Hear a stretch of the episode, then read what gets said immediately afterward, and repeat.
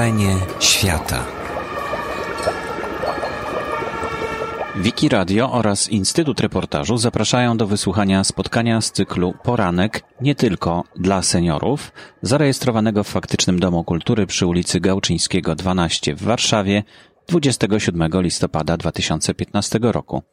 Spotkanie z Filipem Springerem, autorem książki 13 pięter, prowadzi Kamil Bałuk. Dzień dobry Państwu. Witamy na e, spotkaniu, e, z nasz, kolejnym spotkaniu w tym roku z takiego cyklu e, Poranek dla seniorów i nie tylko. Tym razem naszym gościem jest Filip Springer. Dzień dobry.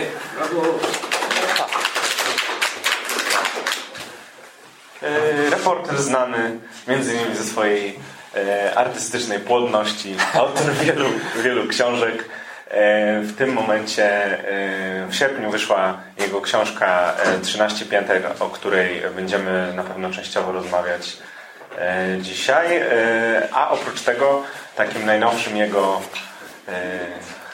dzieckiem, idąc tą metaforą, jest Miasto Archipelag, projekt, który który realizuje, który w zasadzie nie jest książkowy, przynajmniej póki co. Nie jest, tak. tak. Eee, Ale książka też będzie. No właśnie, właśnie nie wiedziałem, czy, czy, czy, czy to jest oficjalne, że będzie, czy nie, dlatego tak chciałem, żebyś ty to powiedział. E, może zacznijmy od, od miasta archipelagu, bo to, bo, bo to jest świeższe i e, może mniej znane. To jest projekt, który e, ma opowiadać o Polsce mniejszych miast, czyli o, czy wybraliśmy sobie, bo tych mniejszych miast w Polsce oczywiście jest sporo, natomiast my wybraliśmy sobie mm, do tego projektu te, które utraciły w 1999 roku status województwa. Tych miast jest 31, bo wykluczyliśmy z tej grupy te, które są podwójne, czyli Bydgoszcz i Toruń oraz Zielonogórę i Gorzów, no bo te trochę są, a trochę nie są. E, I w tym zbiorze są takie miasta, które są małe, typu Sierac, w którym byłem przedwczoraj i mają 43 tysiące mieszkańców, czy taka Łomża, czy Ostrołęka, ciut większa, ale z drugiej strony są duże, czyli na przykład Częstochowa, która ma 230 tysięcy, więc siłą rzeczy nie da się porównać tych miast. Natomiast mm, ten zbiór pozwala nam się przyjrzeć miastom, które są po prostu nieopowiedziane w mediach. To znaczy mamy takie poczucie, że do wielu z tych miast przykleiły się, o ile w ogóle, jakieś takie głupkowate stereotypy, typu, że w Suwałkach jest zimno, a w Wałbrzychu są bieda szyby, mimo że już dawno nie ma, teraz jest złoty pociąg i w ogóle nic za tym nie idzie, to znaczy tak naprawdę w ogóle się nie opowiada o tym, jak wygląda życie w tych miastach. W związku z czym my zdecydowaliśmy, że się tym zajmiemy, ale jako, że tych miast jest właśnie tak dużo, czyli 31, no to trzeba było zbudować projekt, który będzie w stanie opowiedzieć wielowątkowo problemy tych miast. No i dlatego zbudowaliśmy ten projekt Miasto Archipelag, który z jednej strony dzieje się w internecie, jest strona internetowa, jest blog, jest Facebook, mm, są jakieś tam inne serwisy społecznościowe, a ja od końca września jadę ciągiem przez wszystkie te miasta, co kilkanaście dni wracam do Warszawy wyprać yy, brudy. E, i yy, no jadę dalej w każdym z tych miast jestem kilka dni, staram się trochę namierzać takie główne problemy, a trochę po prostu popolować na historię, bo mam takie poczucie, że w każdym z tych miast, to jest, że każde z tych miast jest taką łączką, na której jest mnóstwo grzybów i której nikt nie odkrył. I dla reportera to pomijając już całą tą mm, ważność tego, żeby opowiadać o tych miastach, no bo, no bo nikt tego nie robi, no to mam takie poczucie, że każdy z tych miast jest po prostu kopalnią tematów na następne lata i Teraz jestem w połowie, bo przejechałem 15 tych miast, 16 przede mną, e, więc e, mam takie poczucie, że w każdym z tych 15, w których byłem, mógłbym zostać i pisać osobną książkę. O Wałbrzychu, o Legnicy, o Jeleniej Górze, o Sieradzu, o Piotrkowie Trybunalce. O Piotrkowie to pewnie nie mógł, ale e, o paru, o większości z tych miast mógłbym, tak? Znaczy, pewnie o Piotrkowie też bym mógł, to taki żart sobie. A co Cię zaskakuje w tych miastach tak, tak, tak z grubsza? Bo wydaje mi się, że dla wielu osób, y, y, które nie były na przykład w Ciechanowie czy w Wałbrzychu, za, za taką nazwą niewiele w ogóle stoi, oprócz takich właśnie klisz czy stereotypów. Kiedy, kiedy przyjeżdżasz, to, to, to jak w ogóle odkrywasz dane miasto dla siebie i od czego zaczynasz? Zaskakują mnie, znaczy w każdym mieście, znaczy nie w każdym, ale w wielu miastach zaskakują mnie takie rzeczy bardzo lokalne. To znaczy na przykład w Wałbrzychu, w Legnicy, w Bielsku Białej zaskoczyła mnie architektura. No ja się tym trochę zajmuję, więc na to zwracam uwagę, ale klasa i e, jakość tej architektury takiej, nie wiem, XIX-wiecznej czy z początku XX wieku jest absolutnie genialna i spokojnie, gdyby takie budynki stały w dużym mieście, byłyby kultowe, tak? Byłyby opisywane, byłyby chronione i tak dalej, a tam sobie czasami bardzo marnieją. Mm, no to, to są takie, bardzo zaskoczyło mnie Bielsko jako takie, jako takie miasto w pełni właściwie autonomiczne i bez kompleksów. Natomiast e, zaskakują takie rzeczy mm, z jednej strony pozytywne, znaczy w każdym z tych miast słyszę, że tam się bardzo dobrze żyje, bo to są dobre miasta do życia, w tym sensie, że one są małe. Na przykład w związku z tym o 16 kończy się praca, o 16.10 się jest w domu. I to jest fajne. Nie, nie da się ukryć, że jest. E, z drugiej strony zaskakuje mnie to, że ludzie mówią, że tam jest bliżej do innych ludzi. To znaczy, że łatwiej jest zawiązać pewne relacje i pielęgnować te relacje, bo, no bo jakoś to, to łatwiej wychodzi niż w dużym mieście. E, minusem, który pojawia się na razie we wszystkich, to oczywiście to, co ja mówię, to odnosi się tylko do tych 15, w których byłem. Jeszcze nie wiem, jak jest, może 16 obróci wszystko do góry nogami, ale yy, minusem jest to, że we wszystkich tych miastach komunikacja miejska jest y, na żenująco niskim poziomie. Znaczy, ona nawet nie jest zła, ona jest tak beznadziejnie upokarzająca, że aż trudno sobie to wyobrazić. I właściwie we wszystkich miastach się to powtarza, z mniejszym lub większym natężeniem, ale jednak. No to to, a jak odkrywam? No to ja mam, mm, jako że ten projekt dzieje się w internecie, no to ja przed przyjazdem do każdego miasta wrzucam do internetu, że przyjeżdżam i wtedy się dzieją różne rzeczy, zgłaszają się jacyś tam ludzie, oni chcą pomóc, chcą mnie oprowadzić, bo to głównie do tego się sprowadza, pokazać mi kogoś tam, jakichś ciekawych ludzi czy, czy miejsca. I ja z tej pomocy korzystam, natomiast zawsze mam w czasie takiego pobytu kilkudniowego taki jeden dzień, on się jednak niekiedy dzieli na pół, to znaczy jedno popołudnie i drugie popołudnie albo przedpołudnie, e, kiedy chodzę po prostu po mieście, robię zdjęcia i rozmawiam z ludźmi, których spotkam. Bo ci, którzy się zgłoszą na Facebooku, to oni są bardzo pomocni, ale oni zaburzają obraz. To znaczy, to są z reguły ludzie aktywni, to są jacyś aktywiści miejscy, dziennikarze, artyści, albo po prostu tacy ludzie zakochani w tych miastach nie są reprezentatywni. Nie są w ogóle reprezentatywni, oni są świetni do, do wejścia w pewne problemy tego miasta, natomiast oni z reguły mówią o tym mieście dobrze. I to jest ważne, żeby mówili, bo też istotą tego i tego projektu jest to, żeby opowiedzieć o tych miastach w taki sposób też również pozytywny, Natomiast jakby to wyklucza zupełnie ludzi, którzy sobie w tych miastach nie radzą, na przykład, a, a wykluczenie na przykład zawodowe w Sieradzu o wiele bardziej boli niż wykluczenie zawodowe w Warszawie. Znaczy dostępność pracy jest o wiele mniejsza w tym Sieradzu niż tu. E, i, I takich ludzi staram się złapać po prostu na ulicy, tak? Znaczy chodząc, robiąc zdjęcia, kogoś tam zagadując.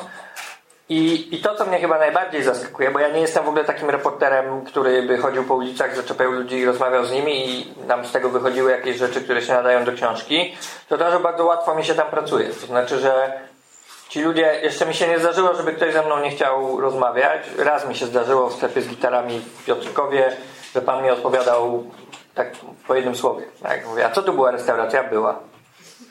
A jaka była ta restauracja? Nie pamiętam. No i tak przez 5 minut sobie pogadaliśmy uznałem, że opór materii jest na tyle silny, że mogę sobie odpuścić. No, dlatego z Piotrkowa nie będzie Dlatego z Piotrkowa nie będzie książki, nie spadają. Nie.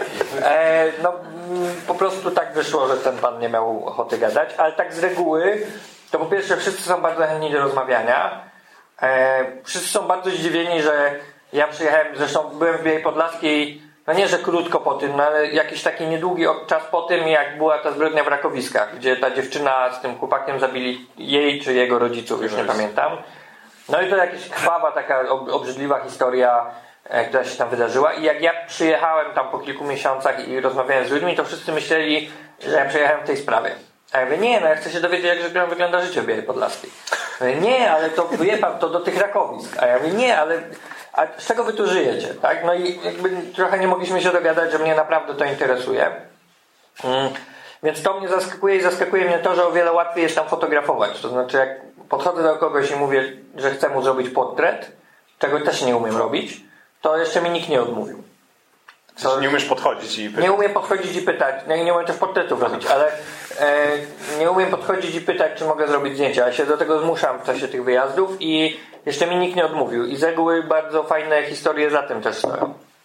A kiedy myślałeś na początku o tym projekcie, yy, yy, to yy, patrzyłeś sobie na tę mapę starych województw, myślałeś o konkretnych miastach, o architekturze. O czym? Bo mam wrażenie, że teraz najwięcej mówisz właśnie o, o, ludziach i o tym kontakcie z ludźmi, który no, nie zawsze był najważniejszy w Twoich książkach, bo jednak opisywałeś w dużej mierze architekturę czy, czy budynki, oczywiście ludzi, ludzi stojących mhm. za nimi też, ale, ale teraz się robi z tego historia bardzo ludzka, że tak powiem. Tak, ale kluczem nadal jest przestrzeń. To znaczy, ja jak przyjeżdżam do miasta, nie robię sobie listy ludzi, których chciałbym spotkać, typu robotnik, urzędnik, bibliotekarka, ktoś tam, ktoś tam, tylko robię sobie miejsc, listę miejsc, które bym chciał zobaczyć. I ja idę w te miejsca i w tych miejscach spotykam jakichś tam ludzi i coś tam się wydarza. I pomiędzy tymi miejscami, no teraz byłem w Sieradzu i wydarzyła się rzecz absolutnie genialna, bo jakoś tam mi tak nie szło za bardzo fotografowanie. Znaczy wiedziałem, że nie mam za dobrych zdjęć. I przechodząc obok takiej bardzo niewielkiej grupy ogródków działkowych spotkałem, była taka jedna buda na tych ogródkach wymalowana na żółto z takim napisem historyzującą czcionką sieradz. No i poszedłem w tamtą stronę. No i okazało się, że na tej budzie były również wyrysowane flamastrem szkice samolotów z II wojny światowej. Takie, takie po prostu, takie schematy jak z książek. No i był tam chłopak y, ze swoim ojcem. Okazało się, że on jest fanatykiem właśnie II wojny i tam interesuje się historią. No ojciec jest hydraulikiem i, i ciężko pracuje. No i ten chłopak opowiedział mi świetną historię o tym, jak sam z siebie znalazł bunkier gdzieś tam nad Wartą w Sieradzu i go odkopał z ziemi, pomalował i opiekuje się tym bunkrem, bo uważa, że to jest ważne historyczne miejsce w historii Sieradza. Nikt się o to nie zatroszczył i on przez tam chyba dwa lata, co kilka dni, na 3-4 godziny chodził do tego bunkra, odkopywał go, malował, za własne pieniądze to wszystko zrobił i teraz się opiekuje, żeby nikt tam śmieci nie wyrzucał. I to oczywiście jest taka historyjka, która cząstkowo jest, no może błaha, ale wydaje mi się dosyć ładna, tak? Znaczy, I też trochę opowiada o, o przywiązaniu ludzi, czy o takim ogarnianiu się tych ludzi w tych miastach. E, też odniesienie do historii.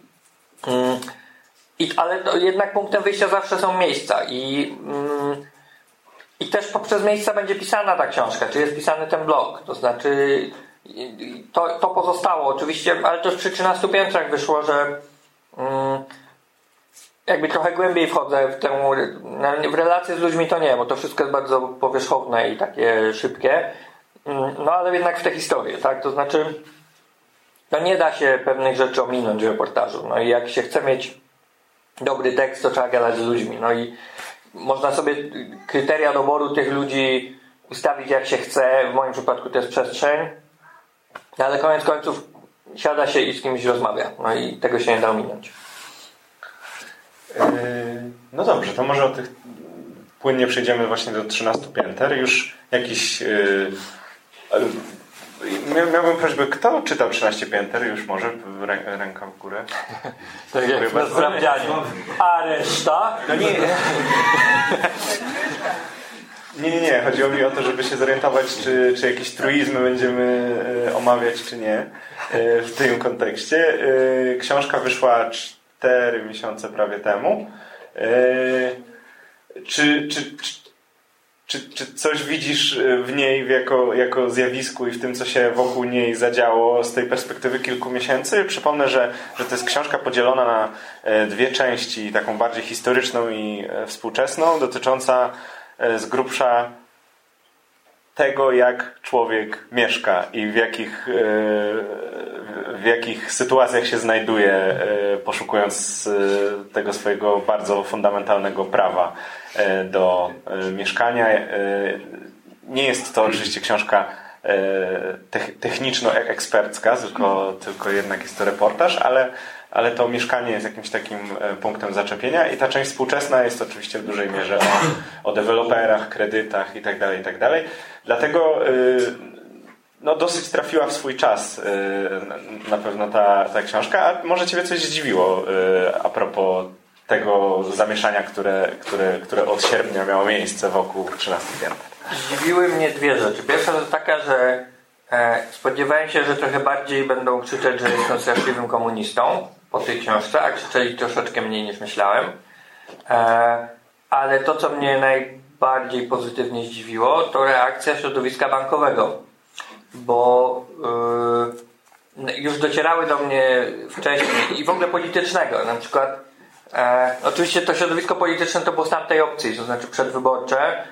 I, I dostałem na przykład list z y, ministerstwa jednego, w którym było odniesienie się do treści tej książki. To znaczy, to nie był taki list do prasy, tylko ktoś z ministerstwa przysłał mi list, w którym na trzech stronach artykułowali, z czym się zgadzają w tej książce, z czym się nie zgadzają, ich stanowisko jest trochę inne.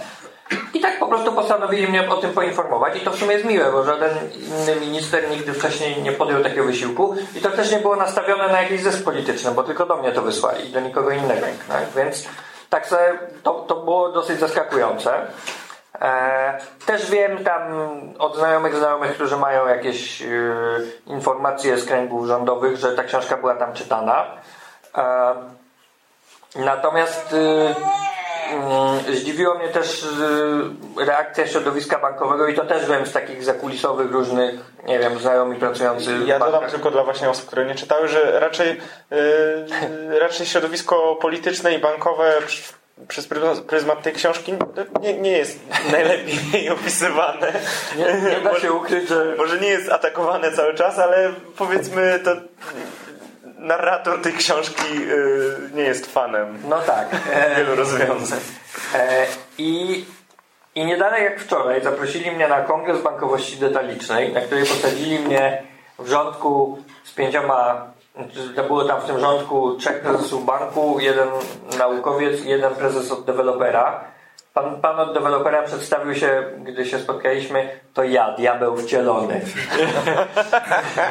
Więc już zrobiło się miło. E, I ta dyskusja w tym środowisku bankowym, której ja miałem zaprezentować trochę takie doświadczenie z badania tego, co się dzieje na froncie, bo oni są jednak oderwani mocno od rzeczywistości. I co ciekawe, sami są świadomi tego, że są oderwani, bo sami to podkreślali później w rozmowach ze mną, że oni sobie zupełnie nie zdawali sprawy. Zresztą jeden z prezesów bardzo dużego banku powiedział, że gigantyczne wrażenie na nim zrobił ten fragment książki, w której ja opisuję na trzecim piętrze, końcówka trzeciego piętra, to jest taka historia dziewczyny, która nie ma problemów takich życiowych, bardzo dużych, finansowych. To znaczy, nieźle sobie radzą, ale kupowali mieszkanie i znajoma im wyliczyła zdolność kredytową. I ta zdolność była jakaś tam, nie wiem, na 600 tysięcy powiedzmy, ale potem poszli do banku i w tym banku, czy tam jakiś doradca kredytowy wyliczył im dokładnie według jakiegoś tam lepszego programu tą zdolność i wyszło im, że mają trochę większą. I ona mówi, że poczuła się wtedy kimś lepszym i że ją bardzo to przeraziło ten fakt, że się poczuła taka, że to jest coś lepszego, że ma większą zdolność, że i powiedziała tam, że to jest straszne, że, że to ją bardzo wystraszyło takie myślenie o tym, że ta zdolność o czymś świadczy. I on powiedział, że za nim to zdanie zrobiło kolosalne wrażenie, bo on sobie nie zdawał sprawy, jak ten mechanizm, który oni stworzyli, tak, jako banki, jak on się przekłada na życie ludzi i jak ci ludzie później definiują się w odniesieniu do mechanizmu, za pomocą którego oni określają swoje ryzyko. E, I że on zaczął czytać ten fragment swoim doradcom kredytowym, tak? I że żeby ich, e, żeby ich uczulić na to, jak bardzo ten cały proces brania kredytu ingeruje w ludzkie życie, w samoświadomość w jakimś sensie i tak dalej.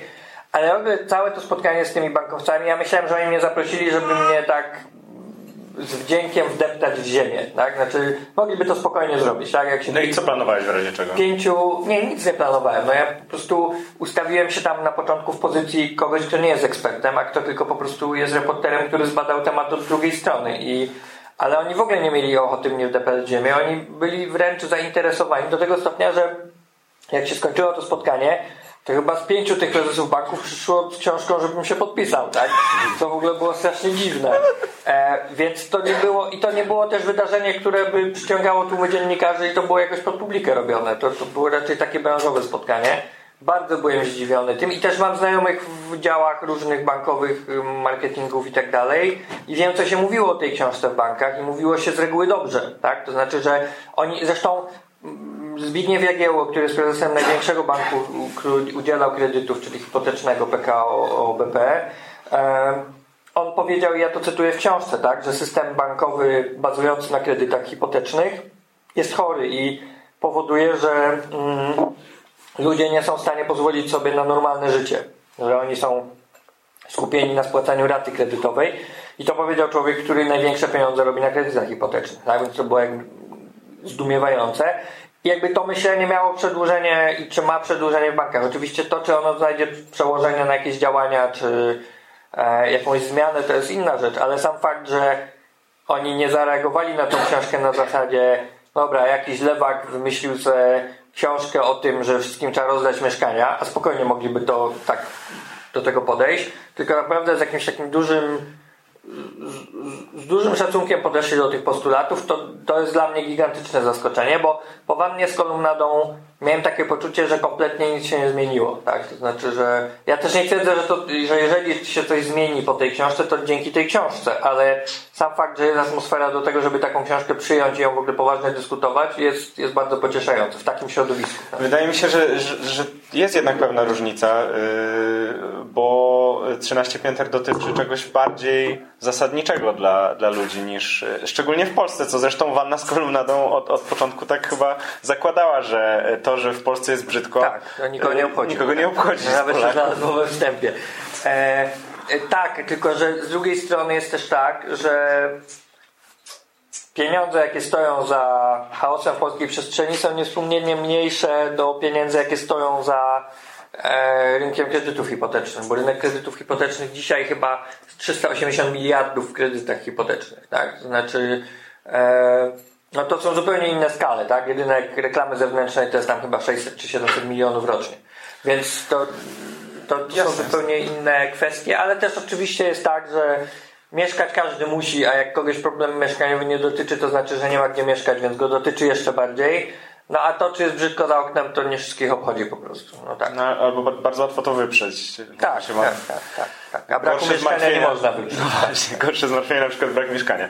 Yy, zastanawiam się, jesteś pewny, że, yy, jeśli chodzi o takie spotkania, że, że, że tutaj nie było żadnych zagrywek PR-owskich, bo yy, myślę sobie z drugiej strony, że jeśli przedstawiciele banków i tak wiedzą, że ludzie będą brali kredyty i, i, i nikt nie zagrozi. Tak jak zresztą yy, jest bardzo, bardzo ciekawy fragment w 13 piętrach, jak przedstawicielka dewelopera tak. wypowiada się i zdradza y, Filipowi wszystkie w zasadzie sekrety, jak to tam namawiają na, y, na konkretne rozwiązania, y, żeby więcej zarobić i, i, i spytana, dlaczego to wszystko mówi, mówi, że to ludzie i tak będą to kupować i nic jej nie grozi tak naprawdę. Oczywiście nie jest podana tam. To, znaczy ja nie, jestem pewien, że oni mają e, świadomość tego, jak tak naprawdę niestabilny system jest stworzony. To znaczy, i teraz by trzeba wejść w głębokie szczegóły, ale na chwilę możemy. Wszyscy pamiętamy zamieszanie wokół kredytów frankowych, prawda? Że cena franka podskoczyła, ludziom raty podskoczyły.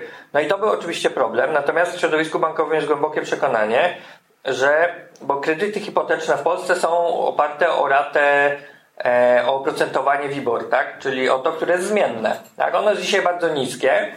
E, natomiast zmiana tego oprocentowania, bardzo niewielka, może w krótkim czasie doprowadzić do tego, że raty ludziom wzrosną, nawet te złotówkowe, znaczy te złotówkowe o 25% albo o 50% i nikt o tym nie mówi. A zagrożenie tym, że te, że te stopy zostaną podniesione jest bardzo duże. E, w dalszej perspektywie oczywiście. I mm, oni mają świadomość tego, że no to nie jest tak, że oni teraz im się włączyła taka opiekuńcza misja, tak? Tylko oni dbają o swoje interesy i oni wiedzą, że ten system, który jest stworzony, on jest stworzony dla kraju, który od 23 lat nie miał yy, recesji, tak? A kiedyś będzie miał. I w końcu na, na, pewno będzie miał. I co się wtedy wydarzy z ich kredytami i, za, i, z, i z tym, czy ludzie będą spłacać te kredyty.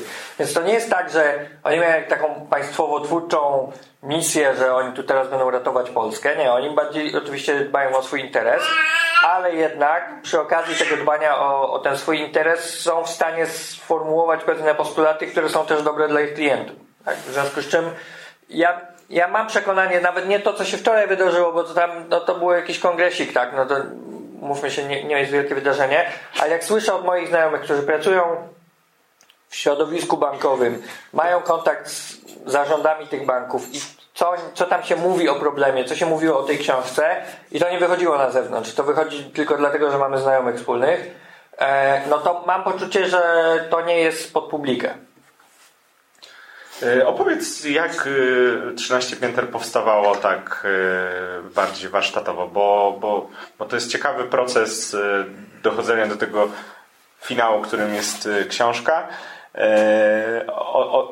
Od pomysłu przecież daleka droga i mimo, że ci ludzie, którzy mają większe lub mniejsze problemy mieszkaniowe są jakoś tam wszędzie, no to miałeś koncepcję tej książki podzielenia rozdziałów na piętra i spojrzenia z różnych perspektyw.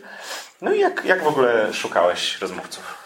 E, no tak, bo mm, ta pierwsza część to byłaby dosyć prosta, no bo bohaterami tej pierwszej części przedwojennej są działacze mieszkaniowi e, Warszawskiej Spółdzielni Mieszkaniowej i Towarzystwa Siedli Robotniczych. Ja sobie wybrałem kilku takich najbardziej aktywnych i najbardziej barwnych i wokół nich plotłem całą historię. No i to było dosyć proste i, i tutaj nie trzeba było kombinować. Natomiast ta druga część, która jest o wiele bardziej istotna dla naszego życia, to znaczy ona opisuje tą sytuację dzisiejszą.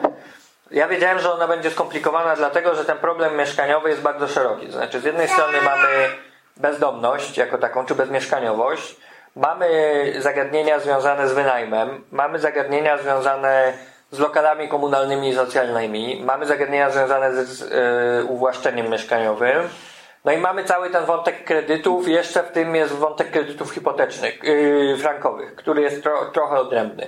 E, no i mamy czyścicieli kamienic, reprywatyzację, wszystkie te zagadnienia. W związku z czym tego jest mnóstwo i trzeba było nadać, czy wymyślić już na samym początku jakąś taką formę, w którą da się wtłoczyć te wątki, żeby to się nie zrobił chaos z tego. I ja wymyśliłem sobie, już nie pamiętam czemu, że ci ludzie będą mieszkać na różnych piętrach. To znaczy, że bohaterowie, każdy kolejny rozdział będzie osobnym piętrem. I że zacznę od, jeszcze wtedy nie wiedziałem, że od fundamentów, e, ale że fajnie by było znaleźć kogoś, kto mieszka w piwnicy. Bo jeżeli ktoś mieszka w piwnicy, to musi mieć jakiś bardzo głęboki powód, że tam mieszka i to nie jest zachcianka na pewno. Tak? Znaczy, musi, musi, musi być przymuszony w jakimś sensie do tego mieszkania w tej piwnicy. No, no ta, y, ta osoba, która mieszka w piwnicy, mówiłeś chyba kiedyś, że już, już się wyniosła z Tak, dostałem zresztą. maila od tej dziewczyny, która mieszka w piwnicy.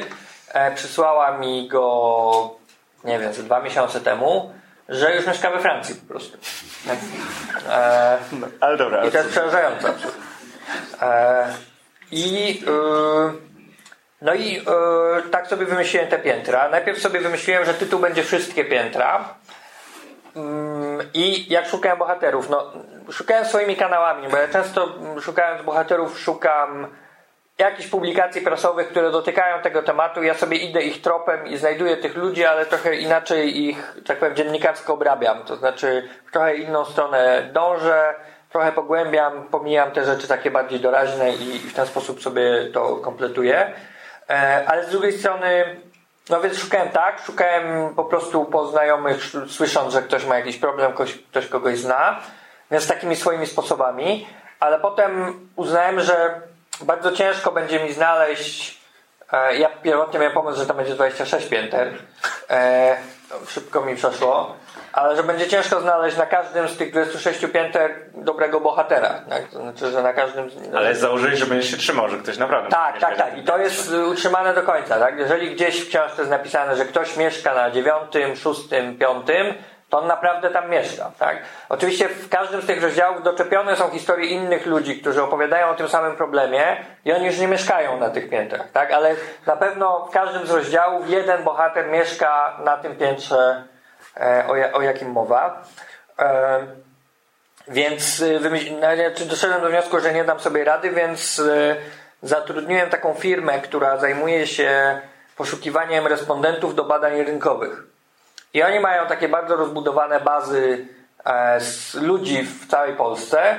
No ja im podałem dosyć proste kryteria, bo to powiedziałem, że to musi być ktoś, kto ma problem mieszkaniowy. To znaczy, to nie może być ktoś, kto dostał mieszkanie w spadku albo od rodziców w prezencie ślubnym, albo nie wiem, dostał gotówę, wygrał cokolwiek, e, że to muszą być ludzie, którzy mają kredyt, chcą mieć kredyt, albo wynajmują, albo są czyszczeni z kamienic, albo mieszkają w jakichś warunkach, które nie są e, są poniżej standardu pewnego, tak? Czyli właśnie piwnica, garaż, tego typu rzeczy. I to były właściwie jedyne kryteria, no i dałem taką prośbę, żeby było pół na pół kobiet i mężczyzn, żeby... A no i jeszcze chyba ważną, żeby, e, nie wiem czy dobrze to pamiętam, ale żeby e, o, żeby zapłaciłeś firmie, ale tym osobom nie płaciłeś. Tak, znaczy to, to kluczowe było to, że mm, nie, nie, nie płaci się bohaterom za to, że wypowiadają się. Choć ja uważam, że to jest mm, nie zawsze dobre. To znaczy, że to, to, to nie jest najlepsza zasada, no ale jest taka w Polsce zasada, że się nie płaci bohaterom. E, chyba, że się jest z tabloidu, no to wtedy się płaci. E, więc ja zapłaciłem tej, była umowa taka, że płacę więcej firmie, nie płacę bohaterom. Tak? taki był deal. Bo, bo jak rozumiem, trudniej jest znaleźć osoby. Bo, no tak, no tak, bo to, to są ludzie, bo oni korzystali z bazy ludzi, którzy trochę dorabiają sobie byciem tymi królikami doświadczonymi w badaniach rynku, tak? Znaczy tam testują serki, mówią jakich pieluch używają, no, tego typu rzeczy i oni dostają za to jakieś tam pieniądze albo bony takie towarowe dostępu. E, no i ta firma mi znalazła bodaj 10 osób, może trochę więcej. E, takich osób, które świetnie się, e, które były idealne tak, do tego, żeby, żeby je opisać. Miały te historie, ale 10 to było za mało, w związku z czym e, ja wrzuciłem na Facebooka w pewnym momencie po prostu zawołanie, że jeżeli ktoś ma przygody mieszkaniowe, to z chęcią może się ze mną nimi podzielić. No i przyszło 400 maili. E, to był wrzesień i ja do końca grudnia właściwie już jeździłem po Polsce i po prostu przepytywałem tych ludzi. Wybrałem z tych 400 około 100 takich, które najlepiej rokowały. Oczywiście to oznacza, że mogłem pominąć kogoś, kto nie wysilił się pisząc tego maila. E, starałem się odpisać na wszystkie, ale być może nie odpisałem. Mm. E, no ale jeżeli ktoś pisał w odpowiedzi na apel zgłaszam się Ania, no to było trochę za mało, żebym ja do Sanoka do tej Ani pojechał, tak? E, ale czasami ktoś jednym zdaniem opisywał coś takiego, że ja po prostu wsiadałem w pociąg i jechałem do tego Sanoka. Sanok jest prawdziwy, byłem w Sanoku za tą książką. E, więc, no i tak sobie jeździłem zbierałem i rzeczywiście, ale nawet po tych tam prawie stu wywiadach, było tak, już przy pisaniu, że przeklinałem tą zasadę pięter kosmicznie, no bo miałem fantastyczną historię bohaterki, która wynajmuje, ale jest na ósmym piętrze mieszka. A ja ją potrzebuję na trzecim. Tam powiedzmy, tak? Bo sobie wymyśliłem, że wynajem jest na początku, tak? Znaczy wynajem tam akurat jest ósme, dziewiąte, dziesiąte chyba. No dobra, no, no ale tak, tak mi nie pasowało, tak? No i... Mogło się jej wynająć na miesiąc na trzecim piętrze. No fajnie. No nie, no i było, że był, było straszliwy zgrzyt. Nikt szczęśliwie jakoś tak mi się udało to, ale był, był taki jedno piętro, było takie, że po prostu przez jeden dzień waliłem głową ścianę, bo nie miałem kompletnie pomysłu, jak pożenić jedno z drugim niewolnik formy. No trochę tak, no ale to, to jakby ta forma musiała uczytelnić całość, tak? Bo mam wrażenie, że to pomaga w odbiorze. No, no dobra, ale jak w takim razie poradziłeś sobie z tym ogromem... Do tych stu osób faktycznie pojechałeś? Tam prawie stu, no żeby nie skłamać. No. E, nie miałeś takiego momentu, w którym się zaczynałeś, nie wiem, wyłączać, albo powtarzały ci się historie, albo już sobie myślałeś, że jeju, to jest męczące strasznie? Nie, bo ja z reguły robię do książki nawet ponad 100 wywiadów. No, do Miedzianki to nam było 150 chyba. Hmm. E, nie, znaczy mam tak też, że... Ile trwa taki mniej więcej wywiad u Ciebie? No tak do dwóch godzin u mnie. E, czasami jak trzeba to wracam. Mm, ale to nie zawsze się zdarza. no jak jadę do Sanoka to raczej nie wracam, tak? Znaczy to staram się wycisnąć jak najwięcej w czasie tej pierwszej rozmowy. E, e, w każdym razie... Y, ja mam tak, że jak robię, jak zbieram materiał i to już trochę trwa, z reguły trwa około roku, to w pewnym momencie do kogo bym nie pojechał, to słyszę te same historie. I jak zaczynam ich słyszeć coraz więcej, to znaczy, że muszę przerwać dokumentację. Że oczywiście to nie znaczy, że już wysłuchałem wszystkiego, co na dany temat można powiedzieć i że zawsze znajdę, znalazłby się ktoś, kto miałby jeszcze ciekawszą z 15 strony i ale jak już zaczynam słyszeć to samo, to znak, że mogę kończyć powoli. Że muszę przejrzeć, zobaczyć czego brakuje, dozbierać tego tylko czego brakuje. I to tak z reguły się sprawdza. Tak samo mam z literaturą, że jak czytam literaturę do książki i zauważam, że trafiam na te same informacje ciągle, to znaczy, że już jestem dobrze, dobrze oczytany, że że już mam mniej więcej wszystko przeczytane, no to będę, najlepszym takim testem na to sprawdzenie, czy już jestem dobrze odczytany, to jest umiejętność wychwycenia w kolejnej pracy. Czytam, staram się czytać chronologicznie książki, tak, o temacie, czyli od najstarszych do najnowszych. To jak w tych najnowszych umiem już wychwycić, kto kogo plagiatuje, to już znaczy, że już mam obczytany jestem. E, więc, ale to, to nie jest jakiś wielki problem. Tak. A, a dalej masz tak, że, że wolisz czytać książki niż y, rozmawiać z bohaterami, czy już ci się to... Teraz na przykład do archipelagu w ogóle prawie nie czytam książek. Na razie kupuję. Mam taką stertę w domu. Przywożę z każdego wyjazdu nie z 7 kilo książek. Znaczy mam pół plecaka tych książek. E, I one lądują w domu na stole i ten stół zaraz się zawali, bo ich jest naprawdę już jakiś ogrom. E, ale w ogóle prawie nie czytam książek, bo nie mam na to czasu, bo ciągle biegam po mieście i rozmawiam z ludźmi. Nie wiem, czy to wolę, bo bardzo mi brakuje tego czasu, w którym sobie usiądę i będę czytał i notowywał i tak dalej.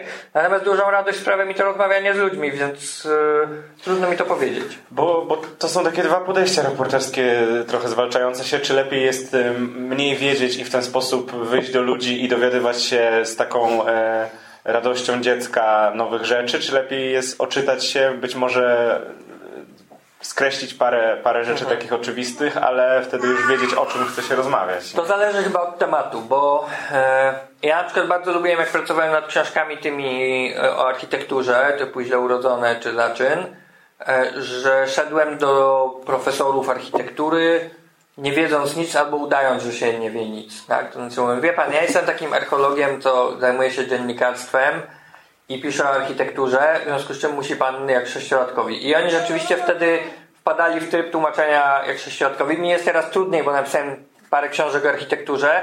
Już oni zakładają Więc coś. oni zakładają, że już coś wiem, więc e, jest kłopot z tym, żeby mnie traktowali nadal jak tego sześciolatka. Ale na początku to było bardzo fajne. Przychodziłem, mówiłem, no dobrze, a czemu ten budynek jest taki? I oni po prostu, jak sześciolatkowi, tłumaczyli, czemu on jest taki, a to jest przecież moja rola, być takim sześciolatkiem zamiast czytelnika, zadać te pytania i temu czytelnikowi to napisać wprost. E, więc y, ja bardzo lubię tą postawę, natomiast ona się niekiedy mści, bo mm, teraz przyjeżdżając do tych różnych miast, ja też starałem się wyczyścić głowę z tego, co wiem o tych miastach, bo wiem, że były jakieś bzdury, tak? Typu właśnie, że Suwałki to zimno, w Radomiu bieda, bo zakłady upadły, ale w większości tych miast upadły zakłady, e, no jakieś takie rzeczy. Więc jakby staram się tego nie wiedzieć, natomiast gdybym nie wiedział nic o tych miastach, to bym był bezradny absolutnie. Znaczy muszę tam coś doczytać, jakieś takie, ale takie przewodnikowe rzeczy, tak? Typu top 10 w Łomży, tak? No i tam sobie czytam coś top 10 w Łomży i dzięki temu wiem, gdzie iść, tak? I gdzie w ogóle się o co zaczepić. Y, jest chyba też takie trochę pomieszanie pojęć w Polsce, y, bo ty, ty starasz się y, z tego, co zaobserwowałem w, w książkach, no, jakoś tam dowiadywać tego, co Cię interesuje, czy tam e, sprawdzać to, co Cię irytuje, ale nie wypowiadasz się tonem eksperta. Co więcej, nawet dużo zadajesz pytań, czasami nie, nie chciałbym powiedzieć oskarżasz, ale, ale powiedzmy e, te pytania są jakoś tam ostre. Niekoniecznie dajesz recepty, więc na tego eksperta się nie robisz. Mimo to e, coraz częściej jesteś zapraszany e, w roli eksperta i, i, i, nie wiem, czy, ty, czy przyjmujesz czasami takie zaproszenia, czy nie, ale, mm, no, ale chciałem się właśnie dowiedzieć, jak, jak siebie widzisz jako osobę, która na tej drodze w końcu tym ekspertem od jakichś rzeczy się stanie, czy właśnie tego wiecznego sześciolatka, który będzie pytał po prostu o coraz to nowsze rzeczy? Nie, no ja bym bardzo chciał pozostawać tym wiecznym sześciolatkiem i, i tylko sobie pytać i opisywać. No to jest trochę tak, że oczywiście ja oczywiście przykładając odpowiednią miarę, tak, od, bo bardzo często się pojawia taki zarzut w odniesieniu do tego, co robię, że no właśnie ja tylko opisuję, yy, trochę krytykuję, no bo tam tak, no 13 pięter jest krytyką systemu mieszkaniowego w Polsce, nie da się ukryć. E, Wanna jest krytyką systemu planowania przestrzennego. Krytykuje, ale nie daje rozwiązań, tak? Ale to, to jest trochę tak, jakby Pawła Smoleńskiego czy Wojtka Jagielskiego poprosić, żeby dał rozwiązanie, nie wiem, Paweł Smoleński konfliktu izraelsko-palestyńskiego, tak? No bo on przecież opisuje konflikt izraelsko-palestyński i czemu nie daje żadnych rozwiązań, tak? No jakby taka jest rola reportera, żeby opisać konflikt. E, Różnica jest tylko taka, że ja pracuję na tym froncie tutaj i nikt mnie nie odstrzeli za to, miejmy nadzieję. A Paweł Smoleński pracuje na tamtym froncie i mogą go odstrzelić, tak? Bo więcej ryzykuje. E, I tylko jest taka różnica, więc ja w tym sensie nie jestem i nigdy nie będę ekspertem, bo nigdy nie będę dawał rozwiązań. Zawsze mówię, że jedynymi rozwiązaniami, jakie można wyczytać z książek moich, to są te, które wynikają z krytyki systemu, który istnieje. No bo ona rzeczywiście tam jest, tak? Że ten system jest w jakiś sposób patologiczny, bo jest mało elastyczny na przykład, tak? I powoduje, że ludzie tracą pracę i od razu tracą mieszkanie. E, więc rozwiązanie jest takie, żeby był bardziej elastyczny, tak? Na przykład wynajem. E, ale to jest jedyne. Ja nigdy bym się nie poważył. Ja bardzo lubię pasożytować na ekspertach, którzy w moich tekstach dają te rozwiązania. Ale jeżeli te rozwiązania są, to one są z reguły cytowane jako ktoś mówiący, że coś trzeba zrobić. Rzadko stałem, no wczoraj mnie posadzili w tym gronie ekspertów bankowych, tak, i o kredytach. Zresztą zadali mi pytanie, czym jest kredyt hipoteczny, tak, panie Filipie, nie? Siedzi Złe. pięciu kolesi z banków, jeden deweloper, a pytają archeologa, nie? Yy, No ale to, to, tam, to, to było w ramach żartu bardziej. No to w takich, to celowo tam wszedłem w buty eksperta, żeby zobaczyć, co się wydarzy. Ale tak z reguły, jak nie zapraszają nie wiem, do telewizji i radia, żebym jako ekspert się wypowiedział o czymś tam, to staram się tego nie robić. Staram się jednak występować w roli kogoś, kto opowiada o swoich książkach. A to czemu przyjąłeś zaproszenie na to wczorajsze? Bo chciałem zobaczyć, co będzie i chciałem, nie, nie mam, nie, ktoś z zewnątrz nie ma dostępu do spotkania się z prezesami wszystkich największych banków w Polsce. To, Czyli sześciolatek. czyli sześciolatek. No. Fajnie. A, y,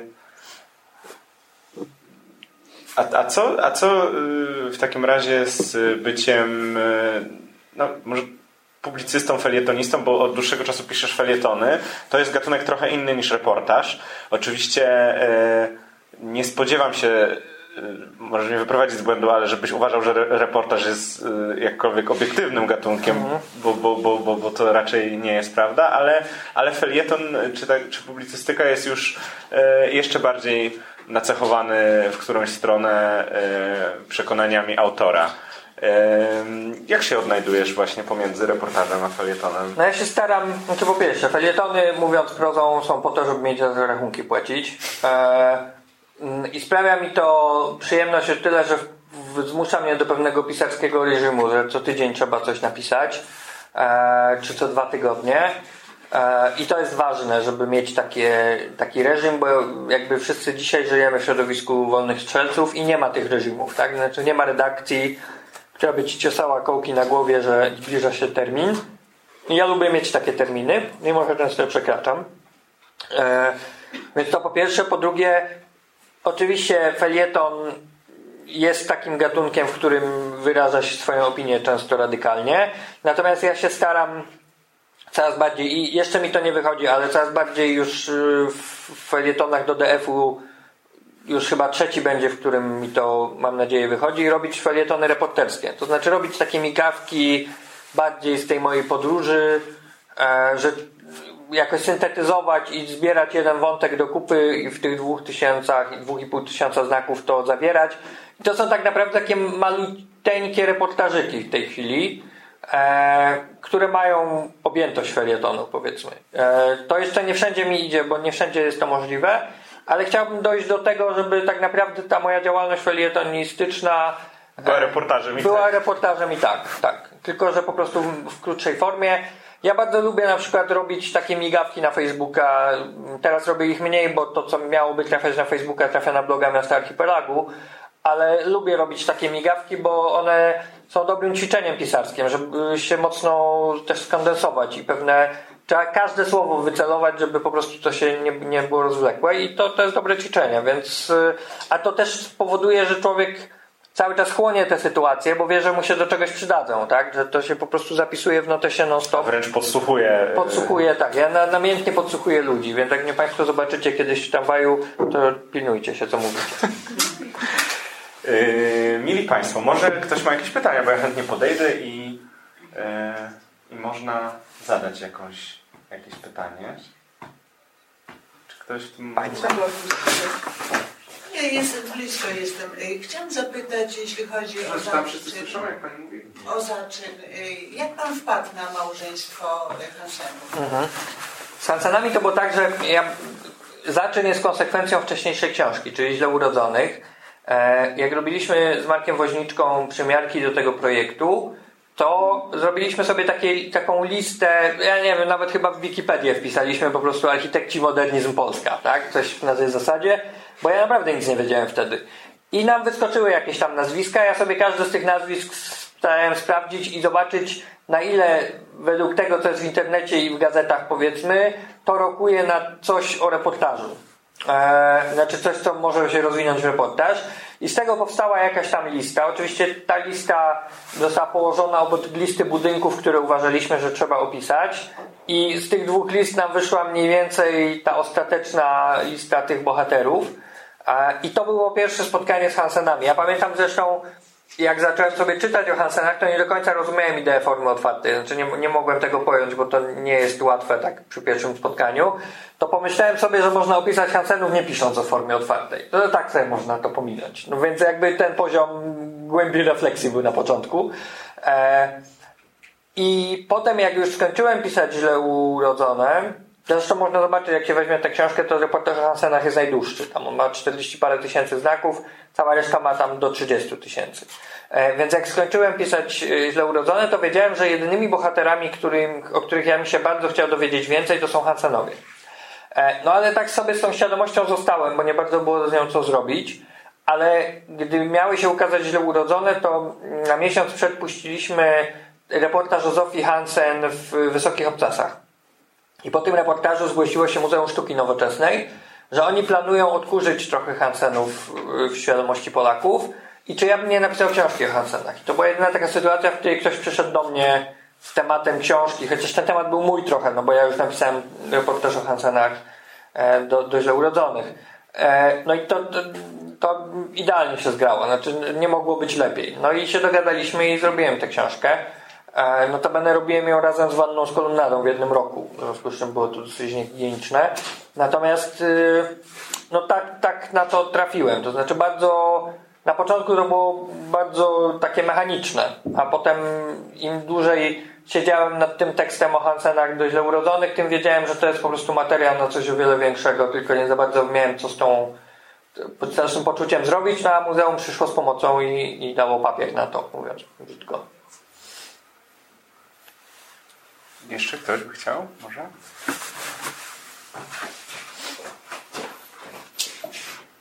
Jeszcze chciałem pytać Pana, ponieważ w książce pisze Pan, parę stron jest tam, w moim stryju. Aha. No, trafił Pan jakimiś drogami na te ślady. Oczywiście to są cząstkowa e, informacja, może mamy jakieś materiały, które by mogły oświetlić tą osobę. Ja się nazywam Strzelecki, a pan tu pisze Jan o. Strzelecki. Więc to jest mój styl. I mam tą książkę od jakichś trzech dni. Między innymi, no już jak tu jestem, to chciałem pana prosić o jakiś podpis. Dobrze, to to się stanie na koniec. Tak, a na końcu się zwrócę. Tak jest. A czy takie coś, takie nazwisko jak Julian Kulski, mówi panu coś? Chyba w tej chwili nie, ale być nie. może mówił no Ja panu powiem, to nie dlatego, że traktuję to jako informację. Proszę pana, to był bardzo ciekawa postać. Ja to oczywiście wiem Mm, nie z kontaktów osobistych, tylko z przekazów rodzinnych. No bo jak mówię o stryju, to to jest różnica pokoleń. No tak. Tak? Więc to nie są moje osobiste kontakty, tylko jakieś rodzinne układy znajomości i to. To był tak zwany komisaryczny prezydent Warszawy. A tak, tak, tak. To no, to teraz je zaskoczyliśmy. On od niedawna ma swoją ulicę na Mokotowie. To był ktoś, kto równolegle miał cholernie odpowiedzialną i niebezpieczną układ no bo podlegał władzom niemieckim jako prezydent, a równocześnie był powiązany, ja powiem ogólnie, z ruchem oporu. I ta funkcja, no gdyby to zostało wykryte, należało, no ten człowiek od razu poszedłby pod tak zwaną ścianę. I on po wojnie napisał takie swoje wspomnienia, gdzie opisuje okres pracy stryja w okresie międzywojennym, przepraszam, wojennym w zarządzie miasta. To jest dosyć ciekawe, jak to wyglądało. To ja się Ale chyba z tym spotkałem. Dobrze, to jestem pozo- do dyspozycji. No ja mam pytanie. A chowanie z kolumnadą, mówi pan, że to nic nie przyniosło. Słuchaj? E, jednak no, jakieś prace, jakieś tam prace zostały ku temu e, wszczęte przez jakieś władze. E, czy obserwuje pan jakoś to, czy coś się dzieje i czy w jakikolwiek sposób to e, cokolwiek się zmieni, mimo że nas to teoretycznie no, jako naród co specjalnie nie interesuje, że tak brzydko jest wokół. E, I czy może coś dalej z tego z, można zrobić no, w następnym czasie, kiedy to jednak się no, nie spełni albo spełni. Mówimy o walnie z kolumnadą. Tak. Tak. E, Po wannie z kolumnadą wydarzyło się tyle, że została powołana ustawa krajobrazowa, uchwalona. I ta ustawa oczywiście jest wielkim krokiem naprzód, jeśli chodzi o e, ogarnianie polskiej przestrzeni, natomiast bardziej kroczkiem niż krokiem. To znaczy, ona jest bardzo przeceniana przez wiele środowisk e, jako coś, co uzdrowi polską przestrzeń. Tak się nie wydarzy. To znaczy, ta ustawa daje prawa samorządom do ogarniania na przykład reklamy w miastach, ale nie nakłada na nie obowiązków. W związku z czym nie wiadomo, czy te samorządy będą z tej ustawy korzystać. E, co więcej, ustawa krajobrazowa reguluje rzeczy, które są bolesne w polskim krajobrazie. Tam osie widokowe, właśnie kwestie reklam, ogłoszeń, tego typu rzeczy. Tam z zabytkami ma coś wspólnego. Natomiast nie reguluje tego, co jest największą bolączką, czyli chaosu takiego architektoniczno-urbanistycznego, który nie tylko powoduje taki estetyczny chaos, ale też y, jest niezwykle drogi, znaczy obciąża nasze budżety. Rozrost miast na przedmieściach powoduje, że mówiąc już tak bardzo upraszczając, bilety tramwajowe w centrach są coraz droższe, tak? bo po prostu miasta są coraz bardziej obciążone doprowadzeniem infrastruktury na te przedmieścia. I tego nie reguluje. I ustawa, nowelizacja ustawy o planowaniu i zagospodarowaniu przestrzennym, która nie była idealna, która mogła cokolwiek zmienić, nadal nie została podpisana przez prezydenta. Wydarzyło się bardzo wiele złego, jeśli o to chodzi. E, Ostatnia zmiana polityczna zaowocowała innymi tym, że rewitalizacja została wyjęta spod, yy, znaczy prze, przestała być definiowana tam przy tej podziałce ministerialnej, które zagadnienia do czego trafiają, jako zjawisko społeczne, czy takie wieloaspektowe, a została sprowadzona do zjawiska renowacji budynków, co zaprze- zaprzeczeniem rewitalizacji jako takiej. W związku z czym ja nie mam poczucia, żeby polskiej reklamy wielkoformatowe jak wisiały, tak wiszą. Tak? I wielkie firmy, e, Wojciech Wagner, który jest naczelnikiem estetycznym Warszawy, e, pracuje w ratuszu, e, on na swojego Facebooka co kilka dni wrzuca zdjęcia reklam największych firm typu Samsung, jakieś tam drogie zegarki, BMW, inne drogie perfumy. E, wrzuca zdjęcia firm, które w ogóle nie czują obciachu reklamowania się na nielegalnych nośnikach na wzdłuż Alei Jerozolimskich. E, nic to nie zmieniło, tak? Znaczy, kompletnie nic. Na Okęciu już chyba jest Warszawa. Na Okęciu już jest chyba Warszawa, tak? Muszę zobaczyć, dawno nie leciałem, tak? Bo do niedawna był Samsung. No może mi się kontrakt skończyć. tak? E, więc y, nie mam poczucia, żeby się bardzo wiele zmieniło. Zmieniają się malutkie rzeczy, te takie główne problemy zostają bardzo nierozwiązane. Nie, Panie ja tutaj tak, chciałem zapytać, czy, y, zastanawiam się, dlaczego y, daliśmy się przekonać, że jedyną formą własności, znaczy jedyną formą posiadania mieszkania jest własność. Bo chyba tak jest. Stąd są kłopoty i tak dalej. Kiedy na przykład ten pierwszy rozdział, pierwsza część książki, którą uważam y, też za bardzo cenną, y, pokazują, pokazuje y, no, prawdziwe jakby wartości prawdziwej spółdzielczości. Te postaci Teplica i innych działaczy, którzy e, rozwijali tą formę budownictwa przed wojną, no to jest, to jest e, szalenie interesujące dla mnie, bardzo ciekawe, bo po raz pierwszy o tym się przekonuję. E, no, ale daliśmy się właśnie przekonać, że... A jeszcze do tego jest taka informacja chyba sprzed dwóch, trzech dni, że procent własnościowych mieszkań w Polsce, domów, mieszkań jest większy niż w Niemczech. Tak, że jesteśmy, to wczoraj na tym kongresie bankowców było mówione, że jesteśmy bogatsi niż Niemcy. Tak. Ale Tak. od razu jeden, to oczywiście żartobliwie było tam określane, bo od razu była na to riposta, że ale Niemcy mają pieniądze na to, żeby żyć. No. Tak, a my mamy mieszkania. E, dlaczego się daliśmy przekonać? Ja myślę, że to jest trochę tak. Oczywiście to, to, to jest coś, co ja mogę, bardziej jestem 82 rocznik, więc jakby trzeba mieć to pod uwagą zawsze słuchając mnie. E, mm, ja myślę, że ta spółdzielczość, którą tworzyli Teplic, Stołwiński i cała ta ekipa przedwojennych działaczy, bardzo skompromitował PRL.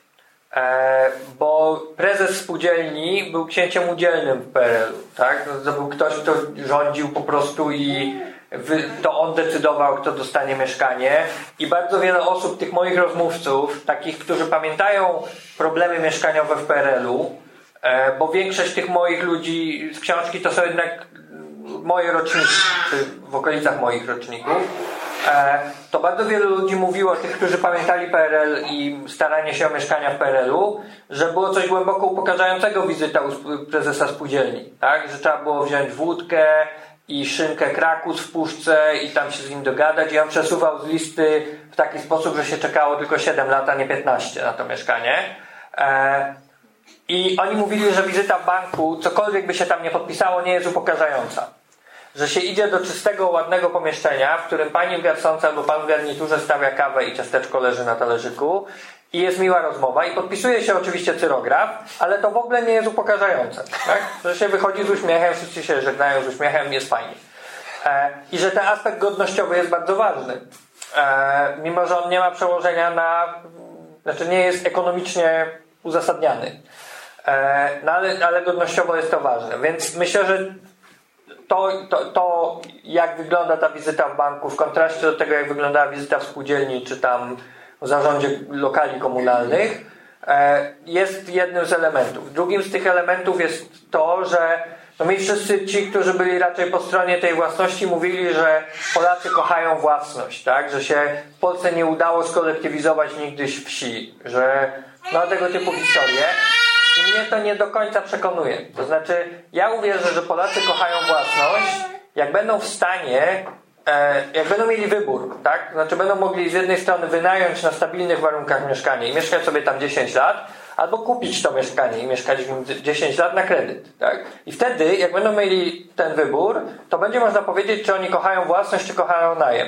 Bo dopóki nie mają tego wyboru, mają z jednej strony kredyt, który jest niepewny, bo nie wiadomo jak będą się kształtowały nasze zarobki, ale póki mamy te zarobki, będziemy robić wszystko, żeby je mieć, to żadna pani nie przyjdzie i nas nie wywali z tego mieszkania, tak jak jest w najmie dzisiaj, tak? że jest pani Bożenka, która mówi wraca mój wnuk z Erasmusa, musisz się wyprowadzić za dwa miesiące, szukaj człowieku tutaj, jak masz dziecko, to już w ogóle masz problem.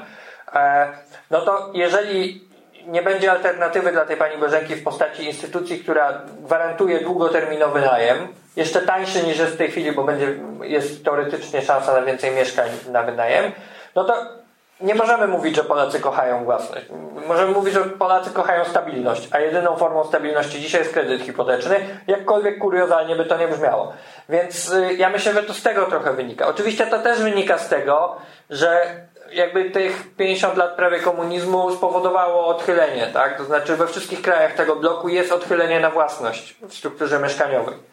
Po prostu, no to jest naturalny jakby mechanizm wahadła, tak? No jak nie było własności, no to teraz wszyscy chcą mieć i posiadać. I, i, i, i to, to są takie powody chyba główne. Ale moim zdaniem tym głównym to jest wcale nie ukochanie własności, tylko po prostu racjonalny wybór. Jak mnie wczoraj zapytali w tym banku, na tym kongresie, czym jest ten kredyt, to ja powiedziałem, że niestety racjonalnym wyborem. Tak? To znaczy, że jakkolwiek on jest nieracjonalny, to w dzisiejszej polskiej rzeczywistości jest. Jako mniejsze zło. Jak, tak, jak mniejsze zło. Tak. Jest jeszcze, chciałem coś takiego powiedzieć, jaki, jaki jest kłopot z Pana książką, e, którą uważam za świetną. Naprawdę świetną. Jestem propagatorem opowiadań tego no, Tylko jest tak. No, y, opowiadam o tej książce komuś, kto Pana Sławo zna może jeszcze, albo nie zna tej książki i, i z wypiekami, z entuzjazmem i w końcu mnie pyta, a o czym to jest? Nie? No, więc, dając syntetyczną odpowiedź, mówię, no o problemie, problemie mieszkalnictwa I on wtedy robi- historycznym. No i tutaj się... Tak. Mieszkalnictwo i Ma- historia. Magda Grzebałkowska się śmieje, że napisałem książkę o spółdzielni mieszkaniowej. A y, wcześniej, ale y, to jest y, tak, no bo ja jestem taki od tych nudnych tematów. E, a teraz y, w sumie doszedłem do wniosku, że piszę książkę o reformie administracyjnej, więc jeszcze nudniej. Ale obiecuję, mam nadzieję, nie będzie nudno. No recepta jest taka, żeby ktoś po prostu przeczytał, a nie tylko Gadał. e, słuchał i gadał o, o książkach. E, czego Państwu życzę? E, można jeszcze jakieś pojedyncze pytania do Filipa Springera zadać e, chwilkę teraz e, po tym naszym spotkaniu, które e, dobiega końca. Można też, e, jeśli ktoś e, ma ochotę kupić jedną z książek we Wrzeniu Świata, to jeszcze pewnie zdąży po autograf do Filipa. E, Ja mam jeszcze taki. E, Ja mam jeszcze taką, e, taką trochę prywatę, to znaczy w ramach e, mi- miasta archipelagu e, pracowaliśmy z Filipem Springerem e, nad materiałem z Elbląga, e, który równolegle jest robiony jako artykuł taki konwencjonalny do gazety, jak i taki ala reportaż e, multimedialny e, do wydania internetowego.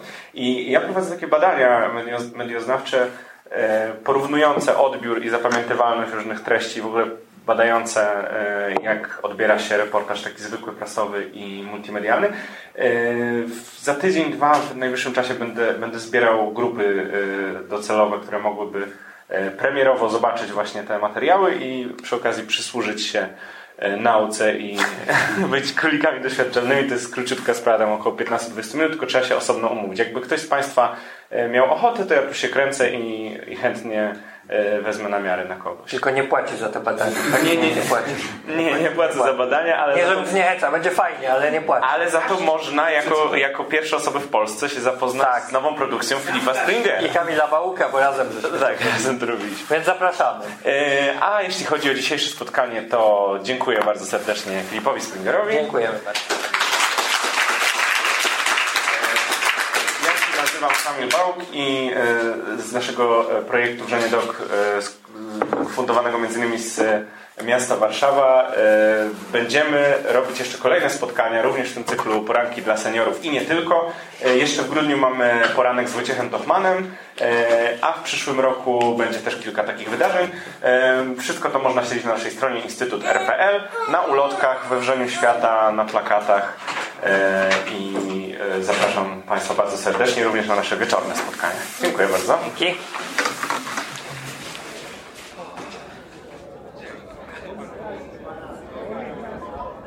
Fundacja Instytut Reportażu zaprasza do swojej księgarni z literaturą faktu i kawą Wrzenie Świata na ulicy Gałczyńskiego 7 w Warszawie. Wejście przez bramy Nowy Świat 48 i Nowy Świat 52.